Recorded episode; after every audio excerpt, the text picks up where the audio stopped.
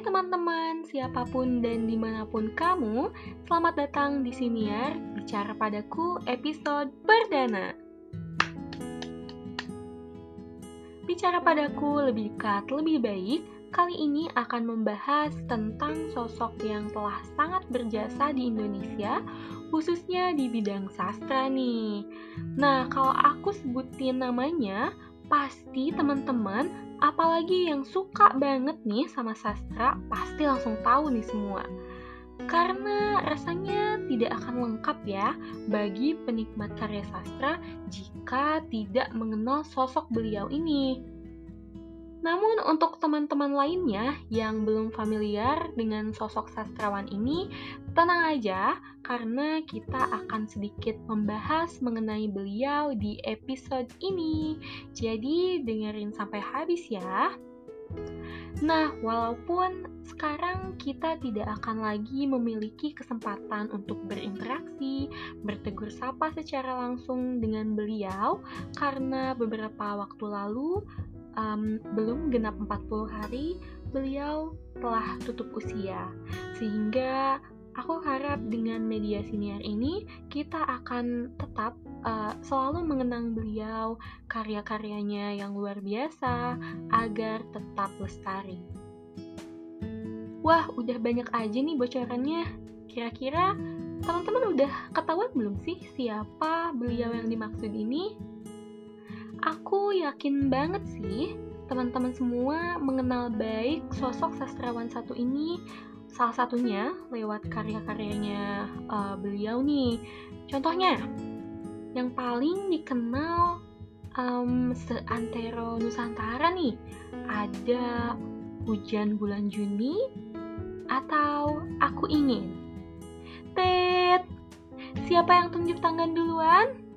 Iya, itu ya kamu yang lagi dengerin siniar ini. Coba siapa jawabannya? Iya, bener banget. Kita bakalan berbicara sedikit tentang Eyang Sapardi Djoko Damono. Nah, seperti yang kita ketahui bahwa saat ini dunia literasi Indonesia tengah berduka nih teman-teman. Karena kita kehilangan seorang pujangga yang sangat luar biasa di Indonesia, yakni Eyang Sapardi Djoko Damono, di mana uh, beliau lahir di Surakarta tanggal 20 Maret 1940 dan baru saja tutup usia pada tanggal 19 Juli 2020 lalu di usianya yang ke-80 tahun. Nah, teman-teman, sebelum kita bahas lebih jauh nih, Alangkah baiknya kita mendoakan beliau agar senantiasa tenang di sana, mendapatkan kemuliaan, amalan serta ibadah beliau diterima oleh Tuhan Yang Maha Esa. Aku akan kasih beberapa saat untuk kita semua bisa mengirimkan doa terbaiknya untuk uh, Eyang Sapardi Djoko Damono.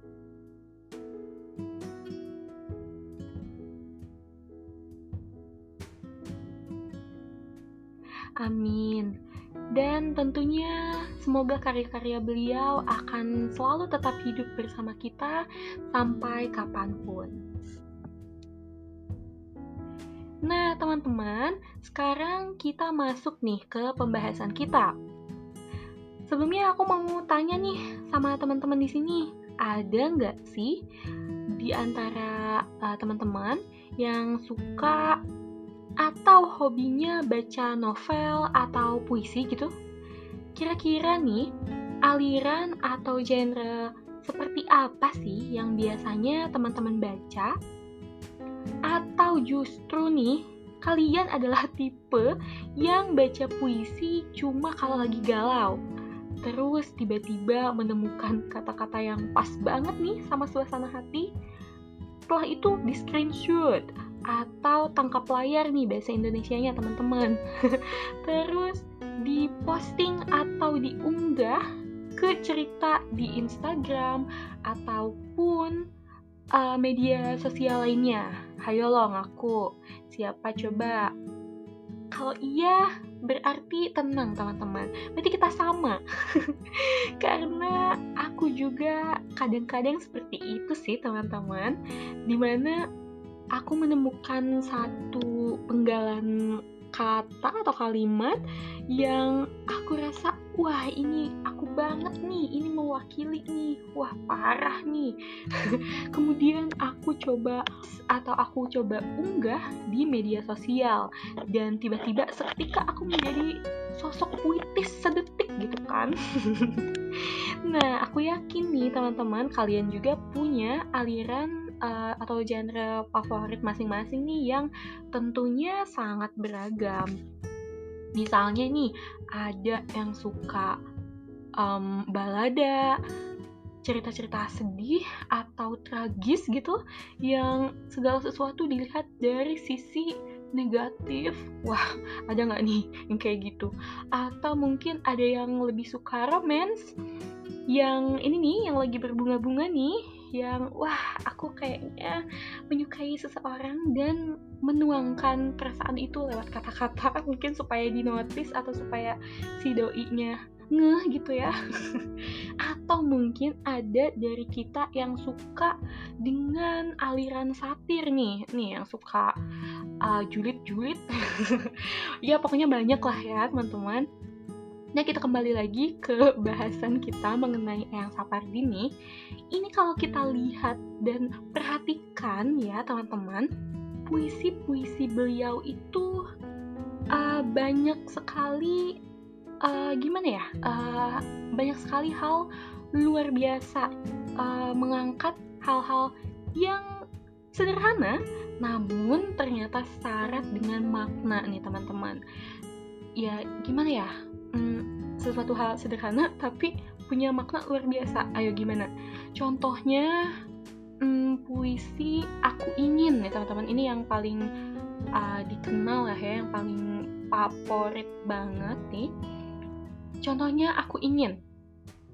Kayak gini nih teman-teman. Aku ingin mencintaimu dengan sederhana, dengan kata yang tak sempat diucapkan kayu kepada api, yang menjadikannya abu. Nah ini sepenggal aja ya teman-teman. Ini udah uh, bisa kita rasakan luar biasa nggak sih? Hal sederhana namun bisa dijadikan sesuatu yang di luar dugaan. Pernah nggak sih kita mikir mencintai seseorang dengan sederhana? Ini kalau kata Eyang Sapardi seperti kata uh, dengan kata yang tak sempat diucapkan kayu kepada api wah ini pemilihan kata-kata diksinya keren banget ya. Pernah nggak sih kita kepikiran nulis sesuatu sedalam ini teman-teman? Ya susah ya. Ini beda banget sama kita yang hobinya makanin micin yang jangan-jangan uh, jangankan membuat hal sederhana jadi bermakna seperti Eyang Sapardi kita malah bikin hal sederhana nih teman-teman. Malah jadi hal yang rumit dan ujung-ujungnya gak ada penyelesaian. Malah makin liar nggak tuh? Nah ya kan? Nah teman-teman uh, karya-karya yang Sapardi Djoko Damono ini ada banyak banget nih. Nggak cuma puisi tapi ada juga hmm, prosa cerita pendek buku novel dan beberapa karya uh, sastra beliau ini nih sudah dialih bahasakan ke beberapa bahasa asing. Keren banget gak sih? Pernah gak sih kita kepikiran untuk membuat suatu karya yang menginspirasi bagi banyak orang, terus dialih bahasakan lagi? Nah itu luar biasa ya teman-teman. Ya semoga suatu saat tiba-tiba, uh, bukan tiba-tiba sih, semoga suatu saat uh, salah satu atau dua tiga dari kita bisa juga menghasilkan karya sastra yang luar biasa yang bisa menginspirasi bagi uh, orang lain gitu ya amin Nah, teman-teman, beberapa waktu lalu nih, aku juga sempat penasaran dengan sejauh apa sih pengetahuan orang-orang di sekitar aku tentang sastra nih, khususnya di sini Eyang Sapardi Djoko Damono. Karena uh, terkadang orang-orang ya di sekitar kita mereka tahu nih oh iya ada puisinya aku ingin atau juga Hujan Bulan Juni nih yang beberapa waktu lalu dijadikan film layar lebar. Siapa yang sudah nonton? Gimana ceritanya? Nah, tapi teman-teman tahu nggak sih sebenarnya Hujan Bulan Juni itu adalah karya dari Eyang Sapardi Djoko yang ternyata bukan hanya puisi, tapi ada bukunya nih, ada yang berbentuk uh, cerita, ada plotnya, ada tokohnya, dan mungkin kalau teman-teman taunya hanya puisi yang dijadikan film layar lebar, nah mungkin teman-teman bisa coba cek baca uh, bukunya mungkin ya. Nah itu uh, nanti teman-teman bisa cari sendiri karena kalau aku jelasin di sini itu akan panjang sekali dan malah nanti teman-teman tidur ya nggak apa-apa sih sebenarnya tapi nanti coba uh, kalau misalnya teman-teman punya waktu luang bisa mungkin cek-cek sedikit, mungkin menemukan kata-kata yang bisa diunggah ulang di akun sosial media itu akan sangat lebih uh, apa ya, lebih menyen uh, lebih ngena gitu sama perasaan kita. Nah, uh, seperti yang aku sebutkan tadi, aku penasaran dengan orang-orang sekitar aku nih, dengan teman-teman aku khususnya. Dan sekalian juga aku sudah tanya-tanya nih, teman-teman, tanya-tanya sedikit sih sebenarnya berkaitan dengan Eyang Sapardi Djoko Damono sama eh, kepada kepada beberapa teman aku nih. Dan kebetulan teman aku ini berasal dari berbagai latar belakang seperti halnya uh, mahasiswa non bahasa atau mahasiswa yang apa ya tidak mempelajari bahasa dan sastra atau atau uh, jurusan-jurusan lainnya di luar bahasa dan sastra. Kemudian ada juga dari um, pariwisata. Ya aku sebutin ya dari Mojang Jajaka sebuah kota. Ya aku pengen tahu apakah mereka juga uh, tahu tentang Eyang Sapardi. Kemudian aku juga tanya ini yang paling uh, berkorelasi yaitu ada pegiat seni dan sastra Nah, sebenarnya aku kasih pertanyaannya sama kepada teman-teman aku ini, cuma yang luar biasanya nih teman-teman jawaban setiap orang ini ternyata luar biasa uh, dan memberikan kesan yang berbeda-beda pula. Nah, kita cek ya teman-teman uh, jawaban-jawaban dari kawan-kawan aku yang sudah aku tanya seputar uh, Eyang Sapardi dan karya-karyanya. Yang pertama nih teman-teman, aku bertanya kepada uh, beberapa teman aku oh ya aku juga ingin berterima kasih dulu nih sama teman-teman yang sudah mau menjadi narasumber aku kemarin ada Kang Aditya atau Abah Adit, ada juga Teh Anggi Aulia, kemudian ada Teh Yulia, ada juga Teh Anissa Zuina, ada Kang Akso, dan Kang Dede. Nih mereka luar biasa nih teman-teman aku, terima kasih banget. terima kasih sekali Nah, pertama pertanyaan aku adalah gimana sih? Aku penasaran bagaimana sosok Sapardi Djoko Damono di benak teman-teman aku nih. Karena aku tadi bilang kan di awal uh, teman-teman aku ini berasal dari latar belakang yang berbeda-beda dan tidak semuanya berasal uh, dari apa ya latar belakang bahasa atau sastra gitu kan. Nah, ini ada jawaban pertama dari Teh Anggi Aulia nih. Teh Anggi Aulia adalah um, salah satu duta bahasa di Jawa Barat. Ini sangat menginspirasi sekali untuk saya. Jadi uh, saya coba untuk bertanya kepada beliau. Nah, menurut Teh Anggi, sosok Sapardi Djoko Damono adalah sosok yang sangat menginspirasi kita bisa merasakan ketulusan dan kesederhanaan beliau dari karya-karyanya tanpa harus bersusah-susah mencerna.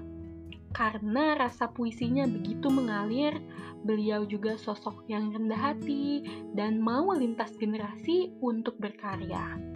Hmm, aku uh, setuju sama jawabannya Teh Anggi ini sih, teman-teman, karena seperti kita tahu, bahwa Eyang Sapardi ini kelahiran 1940 nih teman-teman. Kita bisa bayangkan tahun berapa karya pertama, kedua, ketiga beliau dilahirkan uh, dan karya-karya beliau tersebut masih uh, apa ya memiliki korelasi itu dengan generasi kita dengan generasi muda sekarang nih karena seperti contohnya tadi hujan bulan Juni, aku ingin itu adalah karya yang tidak diluncurkan beberapa tahun ke belakang. Ini sudah lama nih teman-teman, tapi kita bisa lihat uh, efeknya atau kita bisa lihat maknanya itu wah bisa lintas generasi lebih dari tujuh generasi nggak sih? Ya kan? Uh, tujuh generasi nggak sih? Ya pokoknya uh, ini lintas generasi banget karyanya teman-teman luar biasa. Kemudian ini ada jawaban unik nih teman-teman dari uh, Kang Adit Kang Adit ini adalah seorang duta bahasa juga dan sekaligus uh, Kang Adit adalah pegiat seni dan sastra nih teman-teman. Beliau punya kanal YouTube yang uh, memposting karya-karya seni. Itu keren banget pokoknya nanti teman-teman kalau mau cek kanal YouTube-nya Kang Adit bisa buka di YouTube namanya Natnuha atau ketik aja tangga art management nanti keluar itu banyak banget di situ ada karya-karyanya beliau. Nah jawaban uh, Kang Adit nih, Eyang Sapardi Djoko Damono adalah uh, seperti sumbu kompor minyak. Keren banget gak sih? Ini analoginya dalam ya, seperti sumbu kompor minyak. Namun sumbu kompor minyak ini tidak akan menyala tanpa ada api Wah, luar biasa ya. Nah, Sapardi Djoko Damono adalah sumbu kompor minyak, lalu apinya siapa? Nah, di sini menurut Kang Adit, apinya adalah Ari Reda. Ini teman-teman ya yang belum tahu siapa itu Ari Reda. Jadi Ari Reda adalah duo uh, seniman juga, di mana uh, Ari Reda ini sering kali mempunyai project atau uh, apa ya uh, ya memiliki proyek-proyek kebudayaan dan tujuannya itu membantu orang awam contohnya saya untuk menikmati puisi lewat lagu seperti halnya musikalisasi puisi seperti itu dan kebanyakan sajak sajak-sajak yang dinyanyikan adalah sajak-sajak dari um, Sapardi Djoko Damono. Nah, hal inilah yang uh, membantu membantu Kang Adit lebih mengenal karya-karya sastra dari Eyang Sapardi lewat bantuan musikalisasi puisi Ari Reda. Sehingga kata Kang Adit nih menjadi paketan yang sangat luar biasa. Wah, keren nih Kang Adit ya.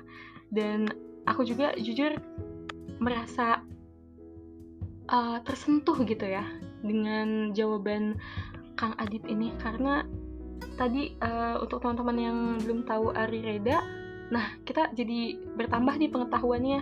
Ternyata ada seniman yang uh, selalu bukan selalu uh, seniman yang ber, um, berkutat di apa ya uh, musikalisasi puisi membawakan karya-karya Eyang Sapardi dengan luar biasa indah sekali.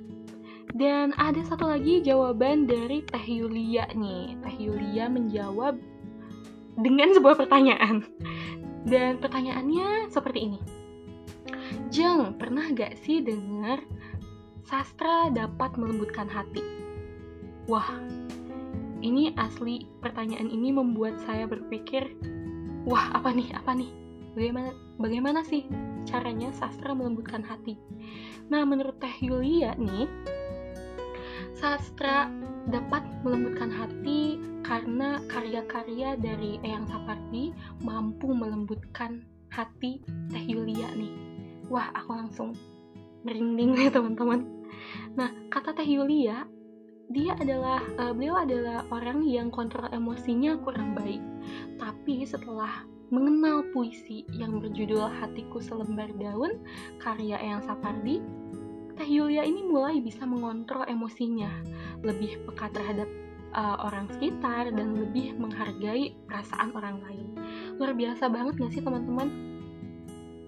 bahasa dan sastra ternyata mempunyai uh, efek yang di luar dugaan. Ternyata bisa melembutkan hati seseorang, bisa merubah uh, karakter seseorang yang tadinya susah mengontrol emosi menjadi seseorang yang lebih peka terhadap orang lain, lebih menghargai perasaan orang lain.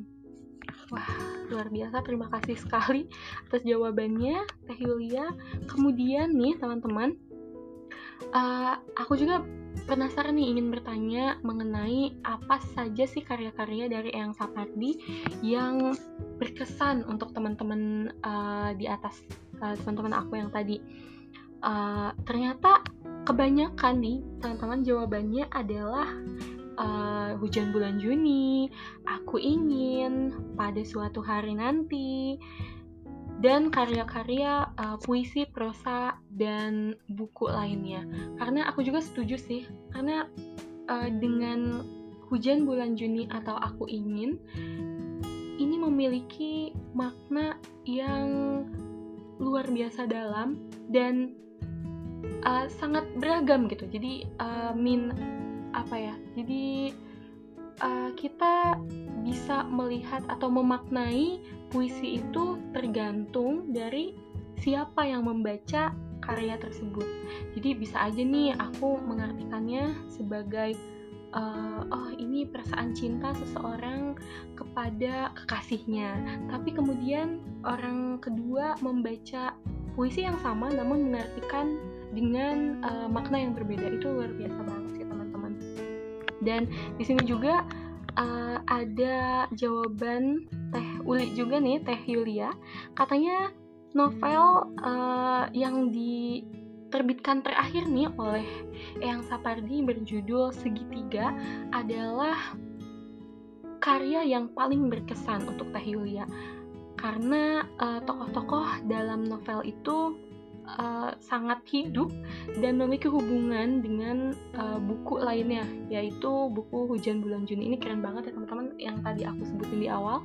Hujan Bulan Juni itu ternyata bukan hanya puisi tapi ada juga bukunya nih ada juga novelnya yang bisa dibaca yang ada plotnya ada tokoh-tokohnya nanti teman-teman bisa cek uh, buku tersebut ya supaya lebih paham gitu tentang karya-karya luar biasa Eyang Sapardi. Kemudian terakhir nih, karena uh, Eyang Sapardi belum genap 40 hari meninggalkan kita semua, uh, aku penasaran nih sama teman-teman juga kalau ada kesempatan nih untuk untuk menyampaikan sesuatu kepada beliau, apa sih yang ingin diucapkan? Nah ini aku akan uh, bacakan pesan-pesan dari uh, keenam teman atau narasumber aku. Tapi uh, sebelumnya aku juga ingin menyampaikan sesuatu kepada yang Sapardi karena saya juga bukan orang yang punya kesempatan luar biasa yang bisa mengenal secara langsung yang Sapardi dan uh, alangkah luar biasanya jika aku bisa menyampaikan rasa terima kasihku kepada yang Sapardi karena sampai uh, akhir dari awal sampai sampai akhir kehidupan beliau beliau tetap konsisten mengabdikan dirinya mengabdikan waktu pemikirannya untuk kemajuan sastra di Indonesia. Itu luar biasa banget teman-teman. Itu adalah sebuah um, pengorbanan atau dedikasi level tertinggi seseorang untuk negerinya. Luar biasa sekali. Jadi terima kasih yang Sapardi sudah mewarnai um, dunia sastra di Indonesia. Nah ini ada pesan dari Kang Adit. Ya uh, Kang Adit ingin mengucapkan terima kasih karena puisi-puisi Eyang Sapardi juga uh, menjadi inspirasi untuk dibawakan menjadi film pendek juga karena Kang Adit adalah pegiat seni dan sastra. Dan teman-teman juga bisa cek ya nanti di kanal YouTube-nya Kang Adit nih namanya Natnuha. Atau ketik aja Angga Art Management nanti teman-teman bisa cek nih karya-karya apa saja yang sudah dihasilkan. Kemudian yang kedua ada dari pesan dari Teh Anggi juga. Eyang, terima kasih sudah terus berkarya tanpa lelah, bahkan sampai akhir hayat. Walaupun usia terpaut jauh, tapi Eyang selalu bisa membuat kami merasa dekat pada sastra dan dekat pada rasa. Wah ini keren banget ya pesannya Tanggi. Kemudian ada dari Kang Akso. Eyang, kita memang bukan saudara sekandung, tapi tulisanmu mengandung darah yang mengalir dalam jiwaku. Dan aku merasakan setiap kata yang kubaca memacu aliran darahku untuk mencintai tulisanmu. Wah ini keren banget ya Kang Akso, jangan-jangan sudah mengamalkan lirik yang ada di puisi Aku Ingin. Aku ingin mencintaimu dengan sederhana. Luar biasa. Kemudian ada pesan dari Teh Yulia juga. Teh Yulia juga ingin menyampaikan terima kasihnya kepada Eyang Sapardi yang telah melahirkan banyak sekali karya-karya yang luar biasa, yang menginspirasi, yang bahkan bisa mengubah uh, pribadi Teh Yulia menjadi pribadi yang lebih baik lagi. Kemudian ada pesan dari Teh Anissa Zuyina. Uh, Teh, Teh Anissa ingin belajar bagaimana mengungkapkan perasaan secara tulus dalam suatu karya seperti yang Bapak lakukan. Ya ini luar biasa sekali jika kita bisa menuangkan perasaan-perasaan kita menjadi sebuah karya yang akan bermanfaat nantinya. Dan terakhir dari Kang Dede, banyak pelajaran yang beliau berikan. Ingin sekali mengucapkan terima kasih karena telah memberikan banyak lukisan, uh, memberikan banyak warna di dunia sastra Indonesia. Ya, wah luar biasa banget ya teman-teman aku ternyata nih teman-teman kalian jangan takut meskipun tidak berlatar belakang bahasa dan sastra ternyata meng, uh, mengapresiasi sastra adalah suatu yang indah karena banyak sekali hal uh, pelajaran yang bisa kita petik ketika kita belajar atau mendalami sastra. Nah, teman-teman, untuk menutup sesi kita pada kali ini, aku pengen ngambil kutipan nih dari Joko Pinurbo yang disampaikan oleh Kang Adit tadi nih.